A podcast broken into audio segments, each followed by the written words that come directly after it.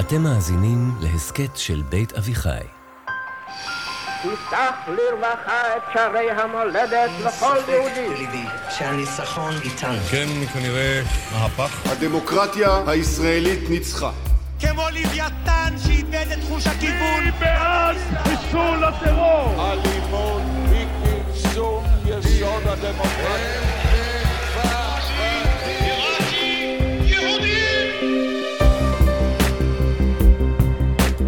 שלום, אני אפרת שפירא רוזנברג ואתן מאזינות ומאזינים לעונה השלישית של מפלגת המחשבות. ההסכת שבו יחד עם דוקטור מיכה גודמן, אנחנו צוללים אל עומק הרעיונות שמאחורי הפוליטיקה הישראלית.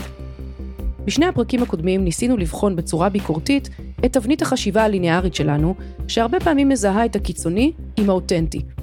ניסינו להטיל ספק במוסכמה הכמעט לא מודעת הזאת, בעזרת תרגיל אינטלקטואלי, פסיכולוגי ואולי אפילו רגשי, מבית מדרשו של לאוצה וספר הדאו דה ג'ינג, שמנחה אותנו, בכיוון ההפוך, זו תנועת הדרך. ההנחיה הזאת מאוד לא אינטואיטיבית, ולכן גם מאתגרת. צריך לתת לה זמן לחלחל. לכן, אנחנו שמים לרגע בצד את יוון הטרום-סוקרטית ואת סין העתיקה, וחוזרים, ב full volume, לישראל של הרגע הזה ולכל מה שמסעיר אותה היום. עוד נחזור ונראה איך הדאו יכול לעזור לנו, אבל בינתיים, בפרקים הבאים אנחנו מתחילים את המסע שלנו להבנת הכיתוב הישראלי. זה יהיה מסע עמוק, מפותל ואולי גם מפתיע. והוא מתחיל עם השילוש הקדוש שמכונן את קיומה של מדינת ישראל. שלום מיכה. שלום אפרת. אז אנחנו רוצים לצלול היום, להתחיל ככה להפשיל שרוולים ולצלול אל תוך הכיתוב הישראלי. והכיתוב הישראלי יש לו כמה מופעים. אנחנו נתחיל עם אחד המופעים החזקים, המקטבים ביותר שאנחנו נמצאים בתוכם היום.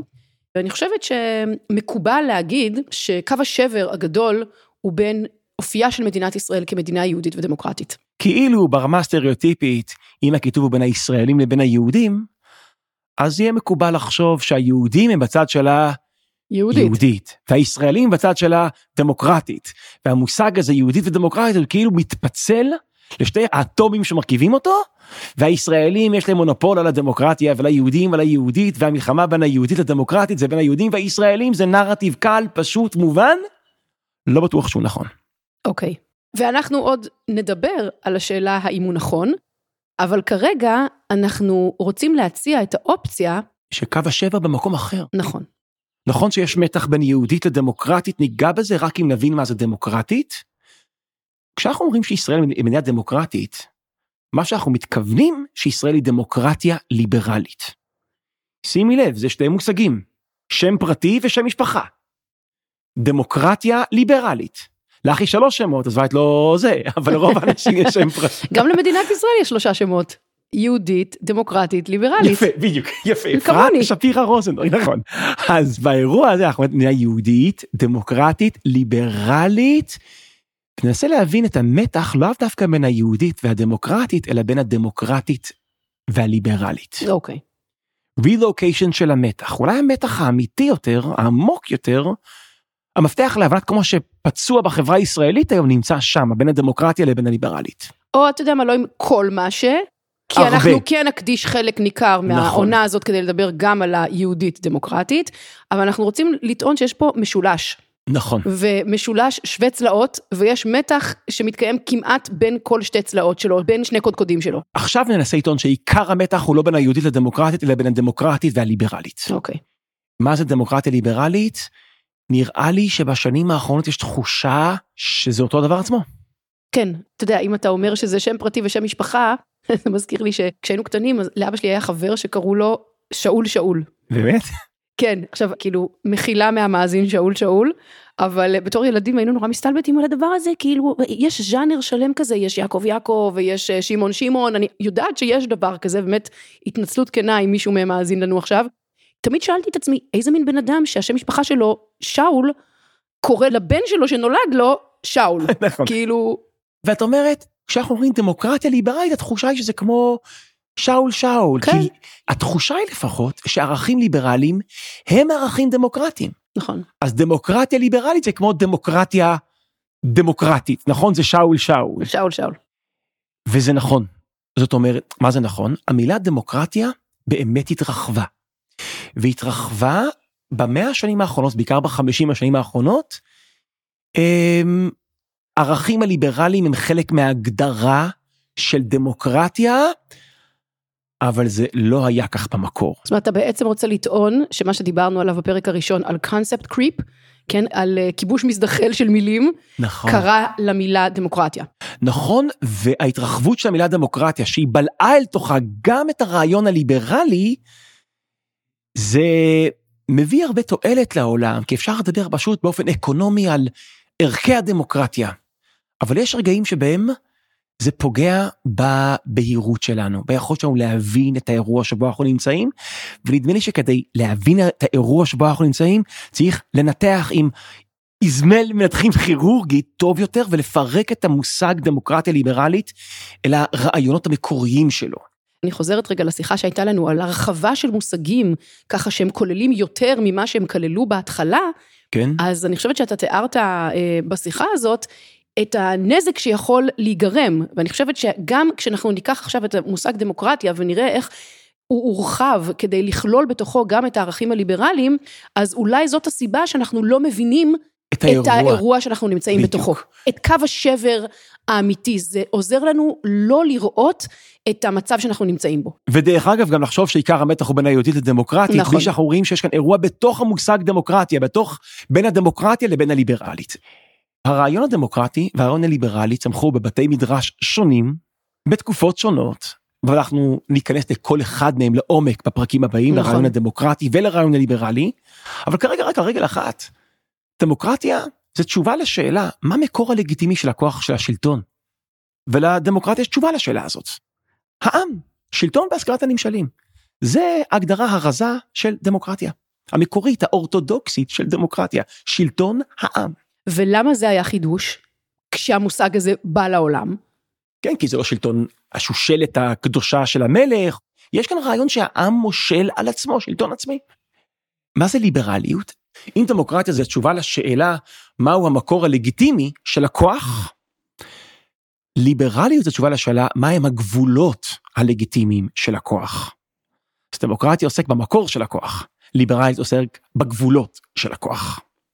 עכשיו לרעיון הליברלי, ואנחנו נדבר על זה בהרחבה, ג'ון סטוארט מיל, ג'ון לוק, יש להם הברקה שמה שמגביל את הכוח של השלטון זה הזכויות של האדם. לבני אדם יש זכויות, הזכויות, נקדים במשפט אחד המאוחר, הזכויות הן טבעיות, כלומר הם לא ניתנו לאדם על ידי המדינה. ולכן המדינה שלא נתנה לאדם את הזכויות שלו, לא יכולה לקחת מהאדם את הזכויות שלו. אז הרעיון הכפול הזה, שלאדם יש זכויות, והמדינה לא יכולה להתערב ולפגוע בזכויות שלו, זה אומר זה רעיון כפול, לאדם יש זכויות ולכן למדינה יש גבולות. הנה זה יצא במשפט אחד, לאדם יש זכויות ולכן למדינה יש גבולות. בואו נסביר את זה רגע בצורה יותר ברורה. למה זה שלאדם יש זכויות, זה אומר שלמדינה יש גבולות? כי הגבול של הפעלת הכוח של המדינה, זה הזכויות של כל יחיד ויחיד. נניח לך יש את הזכות לחשוב מה שאת רוצה לחשוב, לקרוא מה שבא לך לקרוא, להגיד מה שאת רוצה להגיד. ואם המדינה תבוא ותגיד, אנחנו מעדיפים שלא תחשבי את המחשבה הזאת, לא תקראי את הספרים האלה, בבקשה אל תתבטאי בנושאים האלה והאלה, ודרך אגב מדינה אף פעם לא אומרת בבקשה. יש לה כוח והיא מאיימת. אנחנו ניקח אותך וננעל אותך בחדר סגור עם אנשים לא תמיד נחמדים. זה מה שאנחנו נעשה לך. ואז מתוך פחד מהמדינה את לא תחשבי, את לא תתבטאי, את לא תקראי, את לא תממשי את עצמך. זה, בתפיסה הליברלית, אם מדינה עושה את זה, היא משיגה גבול. הזכויות שלך זה הגבולות של המדינה. זאת אומרת שאם המדינה פוגעה בזכויות שלך, היא עושה trespassing, היא משיגה גבול, היא נכנסת לתוך המרחב הריבוני שלך. בוא ננסח את זה ככה פשוט, אגב אנחנו נרחיב את זה יותר בפרק הבא. הזכויות שלך זה המרחב הריבוני שלך, של כל אדם, אגב לא אזרח. כל אדם. כל אדם, זה זכויות, זכויות אדם. אדם, לא זכויות אזרח. כל מהגר שמגיע למדינה דמוקרטית ליברלית, יש לו אוטומטית זכויות באשר הוא אדם, שוב פעם, הטבע נתן לו את הזכויות האלה. הזכות לחירות, הזכות לחיים, זכות הקניין. אז הטבע או האל, תלוי אם זה צרפתים או אמריקאים, אבל הטבע נתן לך את הזכויות האלה, ולא המדינה, זה מדינה, זה לא של המדינה, היא לא נתנה לך אותם, אז היא לא יכולה לקחת ממך אותם. אז נבינה, אז אם נחבר את זה ביחד, דמוקרטיה זה אומר שהעם נמצא בשלטון. ליברלית זה אומר שיש גבולות לשימוש הלגיטימי בכוח של השלטון. הייתי אומרת את זה ככה אולי, דמוקרטיה היא מדברת על העם כמכלול, כישות אחת. יפה. והליברליזם מדבר על הפרט. כל אחד מהפרטים בתוך העם הזה, בתוך המכלול הזה. יפה, זו הבחנה ממש חשובה, דמוקרטיה זה רעיון קולקטיביסטי, העם בשלטון. ליברלי זה לכל יחיד ויחיד יש זכויות שלא יכולות להיפגע על ידי אותו השלטון. נכון. עכשיו אם ניקח את הדמוקרטיה, את הרעיון הדמוקרטי ואת הרעיון הליברלי ונלחים אותו ביחד, יוצאת דמוקרטיה ליברלית שפירושו העם בשלטון ולאדם יש זכויות, זאת אומרת העם בשלטון אבל יש מגבלות על אותו השלטון עצמו. ומי המגבלות האלה? הפרטים בתוך אותו עם. נכון. וזה כבר רמז למנעד שלם של סתירות שיכולות uh, להתעורר בהלחמה הזאת. נכון. אז בואי נדגים את זה רק שנרגיש את זה, קורה כפי שאת אומרת כל הזמן יש התנגשות בין הרעיון הדמוקרטי המקורי לרעיון הליברלי המקורי. בואי נגיד שיש מודעות ציבורית שהולכת וגדלה לכך שהמרחק הגיאוגרפי בין המרכז לפריפריה זה מרחק שלא רק מייצר פער בין מרכז לפריפריה, גם יוצר פערים סוציו-אקונומיים לא הוגנים, לא נכונים. אוקיי, כשמודעות לבעיה גדלה, אז אנשים מתחילים להציע פתרונות. ובוא נגיד שמישהו מציע פתרון, בואי נקצר את המרחק בין המרכז לפריפריה באמצעות רכבת מהירה. גאוני, נכון? וככה במקום שעתיים מהפריפריה למרכז יהיה חצי שעה מהפריפריה למרכז, ואז על אף שזה מאותו מרחק, בקילומטראז', זה לא אותו מרחק. בזמן, מקומות עבודה, לימודים, משאבים. אה, יש הרבה יותר שוויון בהזדמנויות וכל המשאבים של המרכז פתאום נהיים משאבים זמינים לפריפריה זה רעיון מעולה רעיון שמצמצם מרחקים הוא רעיון שמצמצם פערים מעמדיים רעיון נהדר רעיון יפה ובוא נגיד שהרעיון הזה צובר פופולריות איך יודעים שהרעיון צובר פופולריות בציבור שנציגי הציבור חברי הכנסת. הם מקדמים אותו מקדמים בפרלמנט. אותו בפרלמנט. כי זה המקום שבו הרצון של הציבור בא לידי ביטוי. אוקיי, ואז מתחילים לתכנן את הרכבת הזאת, ופתאום מגלים שכדי לסלול את הרכבת הזאת, צריך לגלח שכונה באחד מערי הפיתוח. כי זה המתווה הכי חכם, הכי מהיר, הכי אפקטיבי של הרכבת. נניח שכונה מנתיבות, בקצה של נתיבות. אז צריך לגשת לשכונה הזאת, להלאים את הקרקעות שלהם, לפרק את הבתים שלהם, ועל אפם ועל חמתם ובניגוד לרצונם, להעביר דרכם רכבת. לאנשים אלה יש זכויות, יש להם זכות קניין, זכות תנועה, יש להם זכויות. הנה לך, אפרת, מקרה שקורה מדי יום ביום, התנגשות בין רצון העם לזכויות אדם. וכשתושבי אותה שכונה שאמורים אה, לגלח אותה, כמו שאתה אומר, מגלים את הדבר הזה והם באים בטענות ואולי הם מפגינים ואולי הם עולים לכנסת ואולי הם אה, אומרים תבטלו את התוכנית הזאת, אומרים להם רגע אבל עשינו על זה הצבעה וזה רצון העם. זה רצון העם. ואז הם אומרים רגע אבל גם אני בעם, גם אני חלק מהעם הזה ויש לי אבל זכויות. הדעה שלכם לא התקבלה. אז כאן את רואה, אם אני ליברל, אמיתי, ומאמין שלבן אדם יש זכויות, שהשלטון לא יכול לקחת את הזכויות שלו, לא סוללים את הרכבת. אבל אם אני דמוקרט, ואני אומר שהעם הוא הריבון והעם החליט שסוללים את הרכבת, צריך לסלול את הרכבת, זאת אומרת, ההתנגשות בין רצון העם לזכויות אדם, בין היסוד הדמוקרטי ליסוד הליברלי, הוא הולך לאפיין את החיים של דמוקרטיה ליברלית כל היום, זה שגרת החיים, המתח המנוהל בין רצון העם לזכויות אדם, בין הדמוקרטיה לבין הליברלית. כאן לפחות היה מקום אמ, להבין טוב יותר את הכיתוב הישראלי הנוכחי. אני סבור שרוב מי שמאזין לנו כרגע, אני מנחש, הם אנשים עם אינסטינקטים דמוקרטיים והם חושבים שהמקור היחיד של הלגיטימיות של השלטון זה רצון העם. קשה לדמיין משהו אחר, זאת אומרת, נכון, אנחנו לא רוצים כאילו שלטון של אריסטוקרטיה לא, או כולנו נולדנו מונרכיה. בתפיסה, נכון, בסביבה וקיבלנו דמוקרטית. חינוך דמוקרטי. העם הוא הריבון. אז אם העם רוצה רכבת, העם צריך לקבל רכבת. אבל יש לנו עוד אינסטינקט שהוא חלק מאיתנו. אגב, גם אם אנחנו לא מזדהים כליברלים, כי המילה ליברליות היא מילה שיש לה הרבה מובנים, אבל אנחנו מאמינים שיש לבני אדם זכויות שהשלטון לא יכול לפגוע בהם. מה קורה שאני מאמין גם בדמוקרטיה וגם ברעיון הליברלי, גם ברצון העם וגם בזכויות אדם? הייתי אומר במקרה כזה אני נמצא בקונפליקט. מה ההבדל בין מחלוקת לבין קונפליקט? מחלוקת זה שיש התנגשות בין משהו שאני מאמין בו למשהו שאת מאמינה בו. קונפליקט זה כשיש התנגשות בין משהו שאני מאמין בו למשהו שאני מאמין בו. אני מהמר שרוב המאזינים שלנו הם בקונפליקט כאן. הם גם מאמינים שהעם הוא הריבון, והם גם מאמינים שלאדם יש זכויות שצריכות להגביל את אותו הריבון עצמו. הייתי אומרת שאנחנו נוטים לחשוב שהנקודה הנוכחית בסיפור של הכיתוב הישראלי, או מה שזה לא יהיה, זאת מחלוקת מאוד מאוד גדולה בין הדמוקרטים לבין הליברלים. אבל בעצם אתה אומר, זה קונפליקט בחברה הישראלית. בתוך הנפש של רוב האזרחים הישראלים, שאנחנו מאמינים בריבונות העם, מאמינים בזה. אנחנו מאמינים בזכויות אדם, מאמינים בזה. יכול להיות שיש ישראלים שחושבים שזכויות אדם יש להם משקל יותר כבד מריבונות העם, ויש ישראלים שנותנים יותר משקל, אבל זו שאלה של משקלים ושל פרופורציות, רובנו היברידים לגמרי, רובנו רוצים גם שלטון העם, גם זכויות אדם, וזה מתנגש, וזו התנגשות פנימית בין הערכים שלנו. באמת קשה להסביר ולפרט את כל הסיטואציות האפשריות שבהם שני הערכים האלה מתנגשים בהם. מתנגשים כל זה, הזמן. זה דבר יום ביומו, באמת. נכון. עכשיו, מה ההברקה הגדולה של הוגים מדיניים במאה ה-18? אפרת ההברקה הגדולה היא להפוך את הקונפליקט בין הערכים שלנו להתנגשות בין המוסדות שלנו. לייצר מיסוד של הקונפליקט. לתת לכל ערך שאנחנו מאמינים בו, מיסוד של הקונפליקט במובן הכי מילולי של המילה, literally. institutionalize, להפוך אותה למוסד. אז אני מאמין בשלטון העם, יש מוסד שמבטא את רצון העם. הכנסת, הפרלמנט. אני מאמין בזכויות אדם, יש מוסד שתפקידו להגן על זכויות אדם, בית המשפט.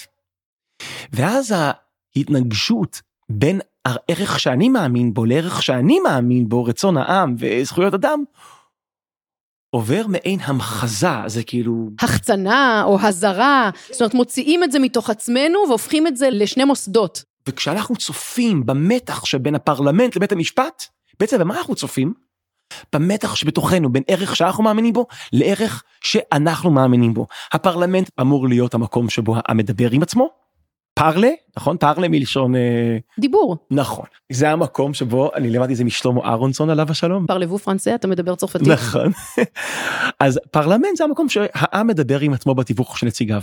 אבל השיחה הזאת, היא תסתיים בהצבעה, וההצבעה תגלה את הרצון של העם. הפרלמנט זה הזירה שבו העם מגלה בתיווך של נציגיו את הרצון שלו. זאת אומרת, כשמגשימים את החלטות הפרלמנט, מגשימים את רצון העם. מצד שני, בית המשפט העליון זה הזירה שמגוננת על זכויות האדם. בגלל שיש מתח בלתי הפתור בין הערכים שבתוכנו, יהיה תמיד מתח בלתי פתור בין המוסדות שחיצוניים לנו. בית המשפט העליון והפרלמנט, וזאת ההברקה הגדולה של הוגים מדיניים במאה ה-18, בין השאר האבות המייסדים של ארה"ב, מאדיסון והמילטון, כאילו שהם מימשו את מונטיסקי, אם אנחנו רוצים קצת name dropping, שהפירוש שלי להברקה שלהם זה שהם נותנים לקונפליקט הפנימי שלנו להפוך להיות קרב פוליטי בין מוסדות שהם חיצוניים לנו. לא רק קרב פוליטי, זה בעצם קרב של כוח. נכון. בהמשך לדבר על זה, אצלנו בפנים, בנפש שלנו, זה קרב בין ערכים נשגבים, דמוקרטיה וליברליות. הקרב בין בית המשפט העליון לבין הכנסת זה לפעמים קרב פשוט על טריטוריה, על כוח, קרב בין יצרים. כן, כאילו הרבה פעמים הם מדברים בשם הערכים, אבל בסוף בסוף זה שני מוסדות שיש להם שאיפות אימפריאליסטיות. זה האלכימיה. הקרב בין הערכים הנשגבים שלנו, כשהוא עובר החצנה, כשהוא עובר התמסדות, אז הקרב בין הערכים שלנו משתקף בצורת הקרב בין היצרים שלהם. ונדמה לי, ואנחנו נחזור על זה בהמשך, הקרב ביניהם הוא כאב ראש גדול עבורם. אבל הכאב ראש שלהם זה החירות והשגשוג שלנו. זו אופטימיזציה של שני הערכים המנוגדים שאנחנו מאמינים בהם. למה בעצם כל כך קשה לנו לראות את זה? זאת אומרת, אני חושבת שאם אנחנו מקשיבים לשיח הציבורי, כל אחד בא בשם הדמוקרטיה. צד אחד אומר, אנחנו דמוקרטים, אנחנו דואגים לכנסת ולשלטון העם הזה, והצד השני אומר, אנחנו דואגים לדמוקרטיה, בגלל שאם הכנסת תהיה לה אה, כוח בלתי מוגבל, אז היא תדרוס את הזכויות שלנו, וזאת פגיעה בדמוקרטיה, וכולם רבים מי יותר מגן על הדמוקרטיה. בדיוק, ההתרחבות של המילה דמוקרטיה בחמישים השנים האחרונות, אגב עם הרבה עזרה של אהרון ברק, שהוא מכנה הגנה על זכויות אדם, החלק המהותי של הדמוקרטיה, ההתרחבות של הדמוקרטיה קוראים לכך שאנחנו בשיח של חרשים. מי שרוצה כנסת חזקה, מדבר בשם הדמוקרטיה, והוא צודק. זה רצון העם. מי שרוצה בית משפט עליון חזק, הוא מדבר בשם הדמוקרטיה, ומבחינתו הוא צודק, כי המילה דמוקרטיה התרחבה, והיא כוללת לתוכה ערכים ליברליים. נכון, אני חייבת להגיד שבבתי ספר למשפטים, או לפחות כשאני למדתי משפטים לפני אי אלו שנים, אני לא אסגיר לפני כמה שנים, ככה מלמדים את החומר. זאת אומרת, יש דמוקרטיה פרוצדורלית, ויש דמוקרטיה מהותית. נכון, ואני חושב שיש הרבה רווחים מלהרחיב את המילה דמוקרטיה. זה מחשבה חסכונית מאוד, יש בזה יתרונות, אבל החיסרון הוא שזה מסתיר מאיתנו את האירוע שאנחנו נמצאים בו. ודווקא אם אנחנו נחזור, נכווץ את המילה דמוקרטיה, ונבין שהשיטה שלנו היא לא דמוקרטיה דמוקרטית, אלא דמוקרטיה ליברלית. זה לא שאול שאול. יש שם פרטי ויש שם משפחה. דמוקרטיה ליברלית, והם שני רעיונות שונים אם חוזרים אל המובנים האורתודוקסיים, המקוריים. תחשבי רגע, דמוקרטיה באתונה. הוציאה להורג את סוקרטס. Hmm. האם זו הייתה פעולה דמוקרטית? בוא נגיד, היא הוציאה להורג את סוקרטס בגלל שהוא אמר דברים שלא היה מקובל להגיד אותם, זאת אומרת, לא היה לו חופש ביטוי. נכון. לא היה לו זכות לחיים. הרוב החליט, הדמוס החליט, ולכן הוציאו אותו להורג. אז אפשר לומר, זו פעולה מאוד מאוד לא ליברלית. ומאוד דמוקרטית. להגיד שזה לא היה דמוקרטית זה יהיה מוזר, הם המציאו את המילה. אז זאת אומרת שבאתונה היה אפשר להיות דמוקרטיה לא ליברלית. אגב, ג'ון לוק, הוא חשב על מונרכיה ליברלית. מדינה שהיא מאוד ליברלית זכויות אדם, לא בהכרח לפחות דמוקרטית. כן, יש לה שליט נאור. נכון? נכון? אז את אומרת, אם אפשר להיות מדינה שהיא ליברלית והיא לא דמוקרטית, או מדינה שהיא דמוקרטית והיא לא ליברלית, אז אנחנו שמים לב שיש כאן הלחמה לא מובנת מאליה של דמוקרטיה וליברלית וההתרחבות של המילה דמוקרטיה שבולעת לתוך ערכים ליברליים, יש לזה ערך, אבל החיסרון הוא שהוא מסתיר מאיתנו את המתח הפנימי שיש בין השם הפרטי לבין השם המשפחה בתוך המשטר שלנו. ואני חושבת שאנחנו שומעים את הביטויים האלה כל הזמן מסתובבים בחלל האוויר, זאת אומרת, דמוקרטיה לא ליברלית, נכון? זורקים את הונגריה נכון, ואת נכון. רוסיה ואת טורקיה כשם קוד דמוקרטיה לא ליברלית, אבל לא באמת מדברים על מה זה. אז הנה אנחנו מבינים עכשיו מה זה הדבר הזה, או מדברים על זה שיש אפשרות להיות מדינה ליברלית אך לא דמוקרטית. אז מה שאני חושבת ש... השיחה שלנו בעצם מתמקדת בזה שמדינת ישראל באופן היסטורי הוקמה כדמוקרטיה ליברלית. עכשיו, אם יום אחד מישהו ירצה להפוך אותה לצורת משטר אחרת, אוקיי, בסדר, אבל אז אולי תהיה דמוקרטיה לא ליברלית. אז או אולי מדינה תהיה ליברלית. מדינה ליברלית, אך לא דמוקרטית. אבל אם אנחנו, חשוב לנו ההגדרה הזאת של ישראל כדמוקרטיה ליברלית, אז צריך להבין את ההלחמה הקשה הזאת רק אם אנחנו מבינים שזה מושגים שונים עם לוגיקה שונה, אנחנו מבינים שההלחמה ביניהם היא לא טבעית, היא לא מובנת מאליה, והנה אולי ההמשגה הכי מוצלחת שאני מבין לרגע הזה בישראל, שהוא רגע אגב בעוד מקומות בעולם, זה המשגה של יאשה מונק. זה המשגה בדמוקרטיה ליברלית, יש שתי רעיונות שונים, ששתיהם יחד מרכיבים את השיטה שלנו.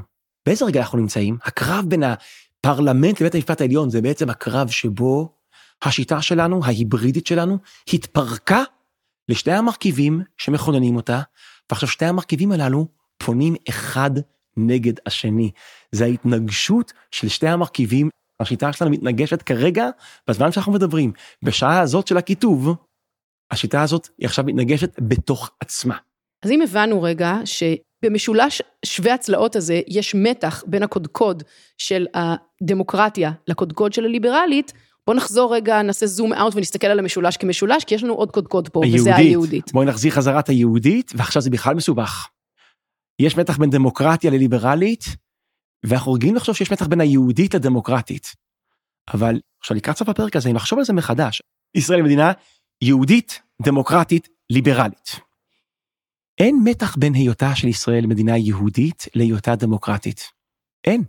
להפך, הייתי אומר, ישראל היא לא מדינה יהודית על אף שהיא דמוקרטית, היא מדינה יהודית בגלל שהיא דמוקרטית. אם אנחנו לוקחים כרגע את הפירוש שדמוקרטיה במובן האורתודוקסי שלה, האורתודוקסי והרזה, האתונאי זה שלה. שלטון העם, כן. אוקיי? כי אנחנו עוד בהמשך העונה קצת נהפוך את העם, הדבר הזה. רוב אזרחי ישראל, כמעט 80 אחוז, זה רוב מסיבי של יהודים. אז אם זה שלטון הרוב, והרוב מיהודים, אז ישראל היא מדינה יהודית, בגלל שהיא דמוקרטית. למה כל הזמן אומרים שיש מתח בין ישראל יהודית ודמוקרטית? אין מתח, יש הרמוניה. היא יהודית בגלל שהיא דמוקרטית. איפה נמצא המתח? בין היהודית והליברלית. זה הקטע. זאת אומרת, אתה אומר, זה באמת משולש, כי אין מתח בין היהודית לדמוקרטית, אבל יש מתח שדיברנו עליו עכשיו בין הדמוקרטית לליברלית, ואתה אומר יש גם מתח בין היהודית לליברלית. בדיוק, שמה נמצא המתח. כי אם הרוב הוא יהודי, ויש למשל מיעוטים שהם לא יהודים, אז מימוש רצון הרוב יכול לאיים על זכויות המיעוט. גם אם הרוב היהודי הזה בוחר לכפות גם על חלק מחברי הרוב היהודי כל מיני נורמות הלכתיות, ערכים אה, הלכתיים, אז גם זה פגיעה בזכויות אדם. נכון, אז הקיטוב הוא תוצאה של מתח מובנה בשיטה. אנחנו מדינה יהודית, דמוקרטית, ליברלית, ואם יש מתח, זה לא בין היהודית לדמוקרטית, אלא בין היהודית לליברלית, אבל נדמה לי שהמשך המסע שלנו זה לצלול עמוק יותר לתוך כל אחד מהקודקודים במשולש הישראלי הזה. אני אפרת שפירא רוזנברג, וזה היה עוד פרק בעונה השלישית של מפלגת המחשבות. בפרקים הבאים אנחנו ננסה ליישם את מה שהנחנו כאן כתיאוריה של התנגשות בין הפרלמנט לבין בית המשפט העליון, על הפרקטיקה הישראלית של הכאן ועכשיו. דרך יישום של רעיון ההקשבה הרדיקלית מהעונה הקודמת, אנחנו נשאל במה צודקים תומכי הרפורמה המשפטית, ובמה צודקים גם המתנגדים שלה. אז רגע לפני שאנחנו ממריאים, קחו נשימה. יכול להיות שהטיסה הזאת לא תהיה חלקה, אולי יהיו בה כמה רעידות וכיסא אוויר, אבל המטרה שלנו היא לנחות ביעד שלנו בשלום חכמים יותר, מבינים יותר וטיפה פחות מקוטבים. תודה לניר לייסט ולאור שמיר האורחים, לאייל לויט ולשחר מונטלק על ההפקה, ולמתן חיים וניבה גולדברג מצוות הדיגיטל. אתן מוזמנות ומוזמנים לקבוצת הפייסבוק של מפלגת המחשבות, כדי להמשיך את הדיונים שמתחילים פה, וגם כדי להתעדכן בכל פעם שיוצא פרק חדש. כל העונות הקודמות של מפלגת המחשבות, וכן הסכתים נוספים של בית אביחי, נמצאים באתר שלנו ובזירות ההסכתים המובילות.